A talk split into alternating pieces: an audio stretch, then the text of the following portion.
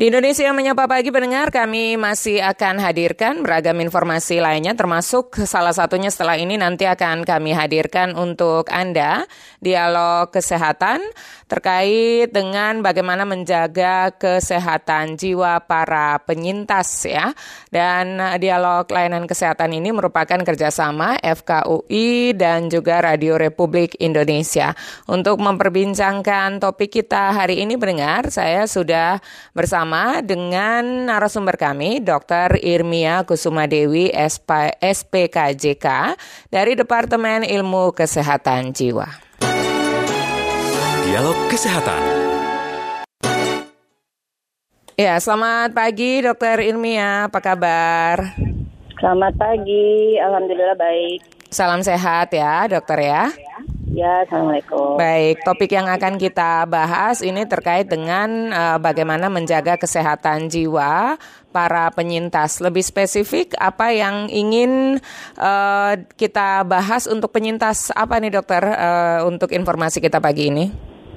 Uh, yang lagi tren aja kali ya, COVID mm -hmm. kali. Oke, okay, baik ya. Uh, menurut data yang dimiliki oleh Dokter Irmia, apakah uh, banyak uh, juga saudara-saudara kita ini yang mengalami uh, gangguan kesehatan jiwa ya uh, setelah uh, mengidap COVID-19 begitu. Di dalam data apakah uh, ada, apakah cukup banyak atau seperti apa, dokter?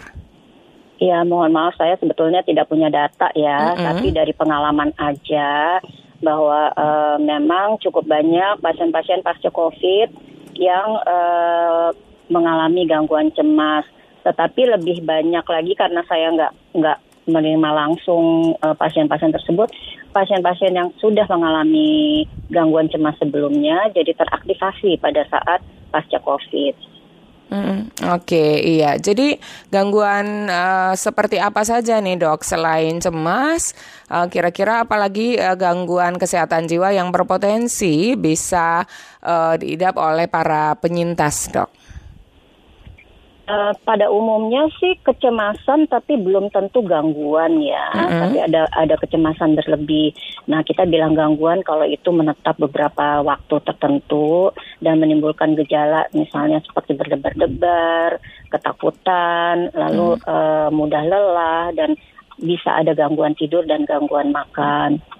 Seperti itu. Jadi uh, mm. ada juga yang uh, sebetulnya ada gangguan depresi sebelumnya, tapi manifestasinya saat ini jadi cemas. Jangan-jangan saya sakit lagi, jangan jangan-jangan saya kalau ketularan saya bisa uh, menghadapi kematian dan sebagainya. Seperti hmm, itu sih. Oke, okay, ya baik ya.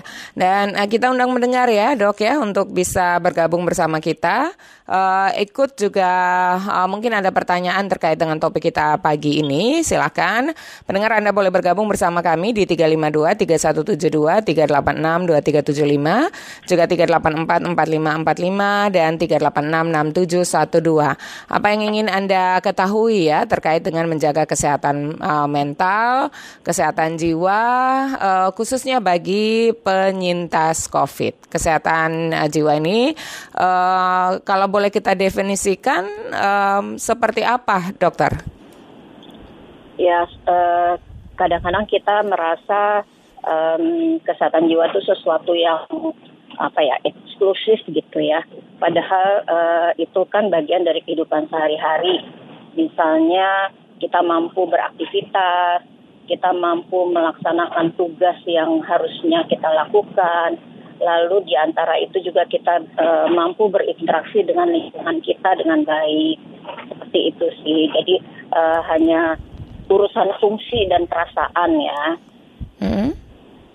Oke, okay. jadi uh, misalnya uh, kondisi uh, kita bisa mengelola masalah, mengembangkan kemampuan, uh, ini apakah juga kemudian ada pengaruhnya ya dalam strategi kita manajemen hal-hal itu dengan kesehatan mental kita? Artinya agar kita tidak kemudian melihat ini terlalu uh, jauh atau mungkin orang selama ini berpikir bahwa kesehatan mental itu sudah pasti uh, eh, ODGJ yang seperti pada umumnya diketahui begitu? Oh iya, ya ini uh, susah-susah gampang ya. Artinya kita merasa sehat mental kalau tadi uh, yang saya sampaikan kan berfungsi dan uh, kita merasa nggak sehat mental itu kalau uh, ada keluhan-keluhan kecemasan tadi. Tetapi kita dibilang bahwa kita mengalami gangguan kalau memenuhi kriteria tertentu, misalnya berlangsung lebih dari berapa waktu, lebih dari satu bulan atau dua bulan dan menetap ya. Tapi kalau fluktuatif aja dan hilang setelah uh, situasinya bisa diperbaiki, itu bukan gangguan cemas. Jadi itu hanya kecemasan aja. Nah, uh, ada juga orang-orang yang memang punya kepribadian cemas. Jadi dia mudah ter teraktivasi kecemasannya, tapi juga tidak berlangsung lama. Sebentar aja situasinya berubah, cemasnya hilang. Seperti itu. Jadi ada perbedaan ya antara gangguan dan uh, kecemasan antisipasi terhadap situasi. Baik dok, kita jeda dulu ya sambil menantikan pendengar uh, untuk bisa bergabung bersama kita. Tetap bersama Pro 3 RRI dokter. Baik, terima kasih. Baik, terima kasih. Mencuci tangan adalah salah satu protokol kesehatan pencegahan COVID-19 selain penggunaan masker dan jaga jarak. Namun, tahukah Anda? Sejak 15 Oktober 2008, PBB sudah menetapkan dan mencanangkan Hari Gerakan Mencuci Tangan Pakai Sabun sebagai sebuah kampanye global dalam upaya menurunkan tingkat kematian balita dan pencegahan terhadap penyakit. Cuci tangan menggunakan sabun dan air mengalir selain dapat mencegah penularan COVID-19 juga langkah awal kita untuk memulai hidup sehat. Pesan ini disampaikan Radio Republik Indonesia.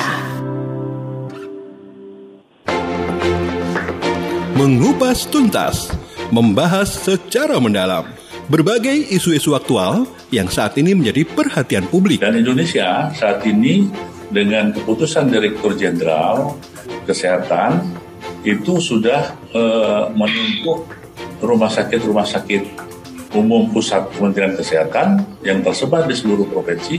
Mengangkat topik-topik terkini yang juga menjadi trending. Dengan memasukkan uh, angka atau nomor porsi yang bersangkutan dan juga tanggal lahir calon jemaah haji, maka akan terlihat di sana uh, berapa saldo jemaah haji yang uh, menjadi apa uh, kelolaan BPKH. Dengan menghadirkan narasumber dari kantor staf presiden. Indonesia Menyapa Pagi bersama kantor staf presiden. Setiap Kamis jam 8 lewat 5 menit waktu Indonesia Barat hanya di RRI Pro 3.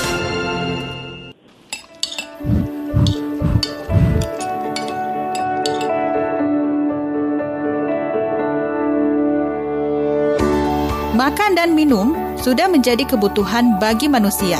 Saat menyantap makanan atau minuman panas, kita cenderung meniupnya agar lebih cepat dingin dan bisa segera dikonsumsi. Tapi, sebaiknya kebiasaan ini mulai bisa dihindari karena memicu hal negatif bagi kesehatan. Saat meniup, H20 dan karbon dioksida akan keluar dari mulut dan berubah menjadi asam karbonat. Senyawa kimia yang bisa menimbulkan penyakit jantung serta potensi kuman maupun virus di mulut untuk berpindah ke makanan atau minuman akan semakin besar. Jika kita mengkonsumsi makanan atau minuman yang telah terkontaminasi, akan ada peluang untuk tertular juga.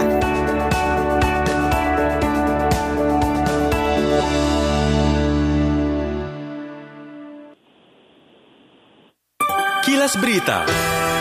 Kilas Berita. Perayaan pergantian tahun baru 2023 di Jakarta dipusatkan di Taman Mini Indonesia Indah TMII. Ini disampaikan oleh pejabat Gubernur DKI Jakarta, Heru Budi Hartono.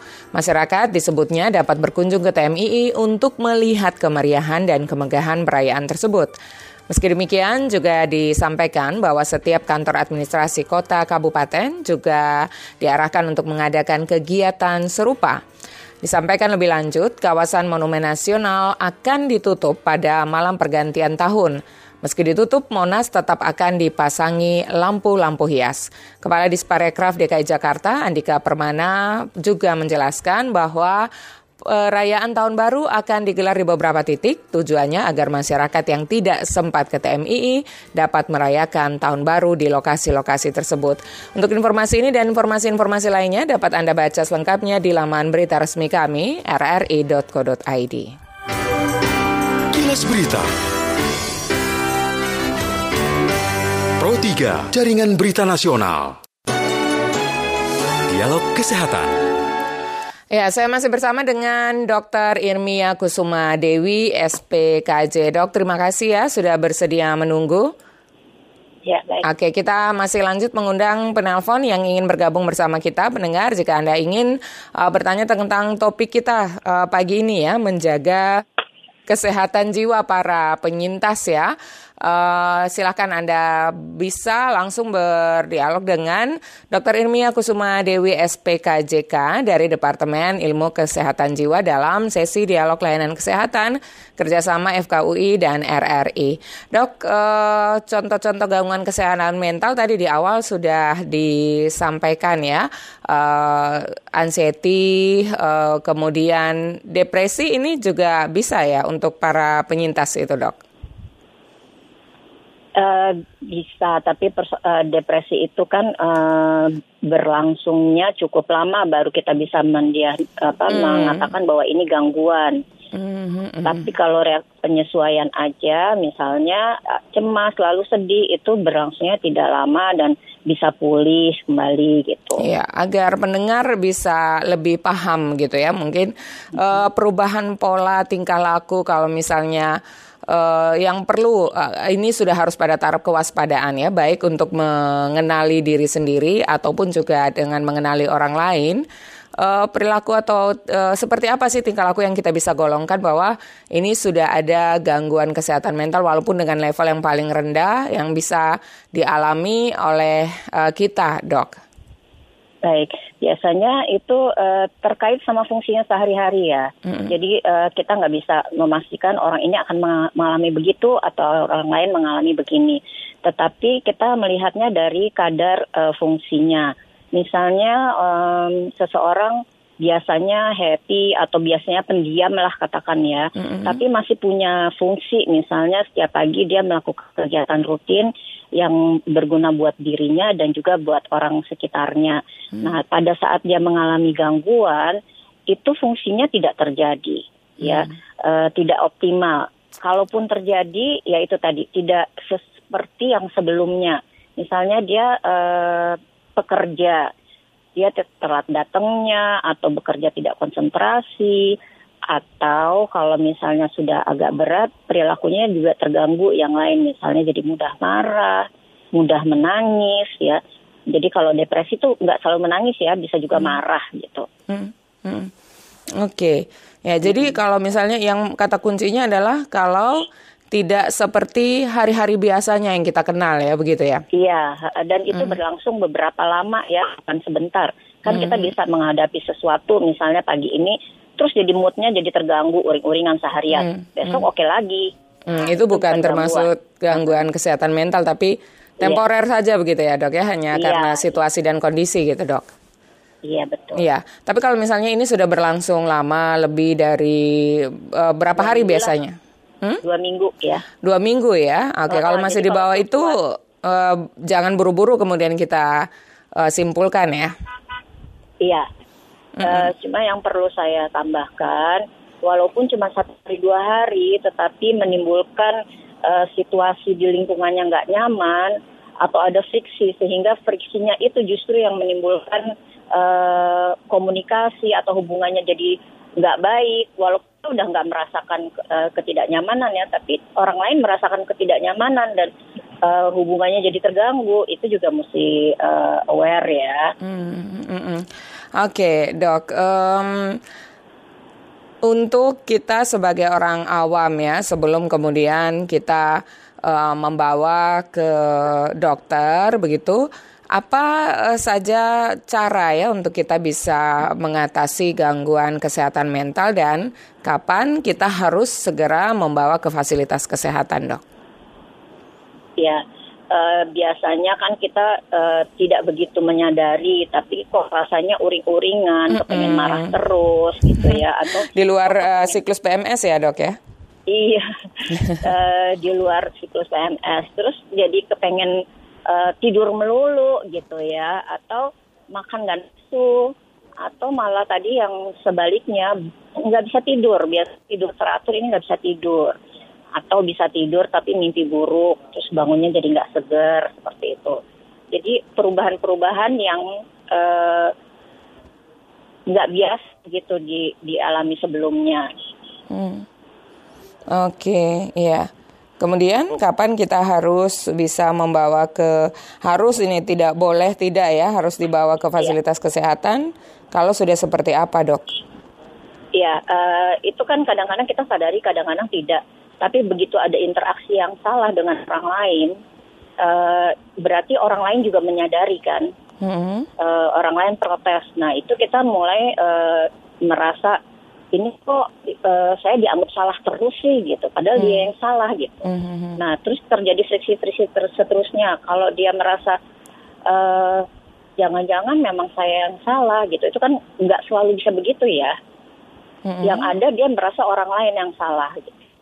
Nah, uh, jadi kita mengajak dia um, berpikir bahwa kok saya dimarahin terus sama sekitar saya gitu. Saya dianggap nggak pas sama sekitar saya. Itu kan dia merasa nggak nyaman. Nah, hmm. Nah itu dia uh, uh, sebaiknya datang untuk diperiksakan. Oke, baik ya.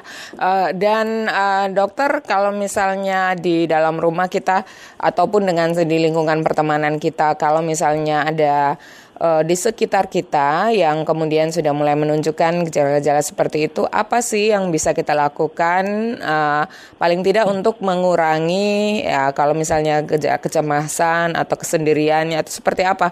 Kita bisa melakukan apa sih hal yang paling mudah, Dok? Apakah apakah uh, baik kalau kita kemudian menanyakan apa penyebabnya dan lain-lain? Apakah itu tidak kemudian membuat uh, orang yang dengan kecemasan dan lain-lain akhirnya merasa terganggu? Yang paling pas seperti apa sih caranya? Uh, kita nggak bisa bilang ada yang paling pas atau enggak ya. Hmm, berbeda-beda sesuai. Tergantung, ya, ya. Uh, berhadapan dengan uh, pribadi yang seperti apa. Ya, tapi uh, paling aman bertanya apa sih yang terjadi kok uh, belakangan begini begitu gitu ya. Hmm. Um, kalau uh, misalnya dia menyadari, dia akan bilang soalnya saya merasa nggak nyaman gini gitu. Tapi kalau dia tidak menyadari, emangnya gue kenapa gitu, hmm. ya. Jadi um, kita mengajak misalnya kemarin berdialog dengan seseorang terjadi pertengkaran, kira-kira apa ya sebabnya ya? Itu misalnya hmm. bertanya seperti itu bisa juga. Hmm. Jadi mengajak dia mengenal situasi yang dia lewati gitu. Hmm. Oke, okay. ya. Jadi um, kita harus lebih peka begitu ya dok ya. Uh, tidak semua orang bisa kita treat dengan cara yang sama dok ya berarti. Iya betul. Okay. Dan biasanya dia juga nggak menyadari saya nggak ngapa-ngapain dia yang salah kok gitu okay. kan. Ada penelpon yang bergabung dok. Kita coba ya. sapa Pak Cidar di Aceh Utara. Singkat saja silakan Pak Cidar. Ya, selamat pagi dokter. Assalamualaikum. Waalaikumsalam. Uh, seperti uraian diri saya pernah mengalaminya dokter. Uh, dari ya. saya mungkin pernah saya agak tersentak dan cepat emosional begitu dalam beberapa bulan yang lalu dan tidurnya susah. Jadi waktu ya. saya tidur jam 10 malam pada paling-paling 15 minit begitu terkejut dengan tiba-tiba saya tersentak langsung fikiran saya kacau dokter. Jadi tiba-tiba ambil kesimpulan dengan sadar saya am, datang ke puskesmas, puskesmas ambil rujukan datang ke konsultasi dokter saraf. Jadi dokter saraf bilang, oh ini apa namanya uh, cemas berlebihan katanya. Jadi dikasih obat dua kali saya bolak-balik dua minggu kira-kira. Jadi alhamdulillah sekarang ini sudah mulai kembali fair saya sudah okay. akhirnya Memicu sering emosi waktu itu dokter. Oke, baik. Terima kasih Pak Cidar di Aceh Utara. Dokter, silakan langsung ditanggapi. Iya, uh, ya dalam kehidupan sehari-hari kita bisa aja mengalami situasi yang seperti itu kapan saja. Hmm. Nah, uh, ada insight, yang, ada kesadaran yang bagus ya dari Bapak untuk datang ke dokter syaraf untuk mengetahui apa yang terjadi. Nah, uh, ini sesuatu yang baik, artinya segera mendapatkan terapi dan uh, apa ya, dan menjadi baik gitu. Hmm. Oke. Okay. Ya. Baik, ya dan ini juga harus jadi atensi kita sama-sama ya. Kalau seperti Pak Cidar tadi sudah merasa seperti itu, artinya jangan menganalisa sendiri atau kemudian menduga-duga sendiri malah makin cemas nanti ya dok ya. Harus ya, uh, segera dibawa konsultasi kepada yang berkompeten. Terima kasih uh, dokter, waktunya bersama dengan Pro 3 RRI dok. Ya. Mudah-mudahan bermanfaat. Ini untuk semua yang sedang bersama dengan kita program Tiga Radio Republik Indonesia. Selamat Terima pagi, sama-sama. salam sehat, Dokter Ilmia. Assalamualaikum. Waalaikumsalam. Uh, dialog kesehatan kerjasama FKUI dan RRI dengan tema menjaga kesehatan jiwa baru saja kami perbincangkan bersama Dr. Irmia Kusuma Dewi SPKJK dari Departemen Ilmu Kesehatan Jiwa. Dialog Kesehatan.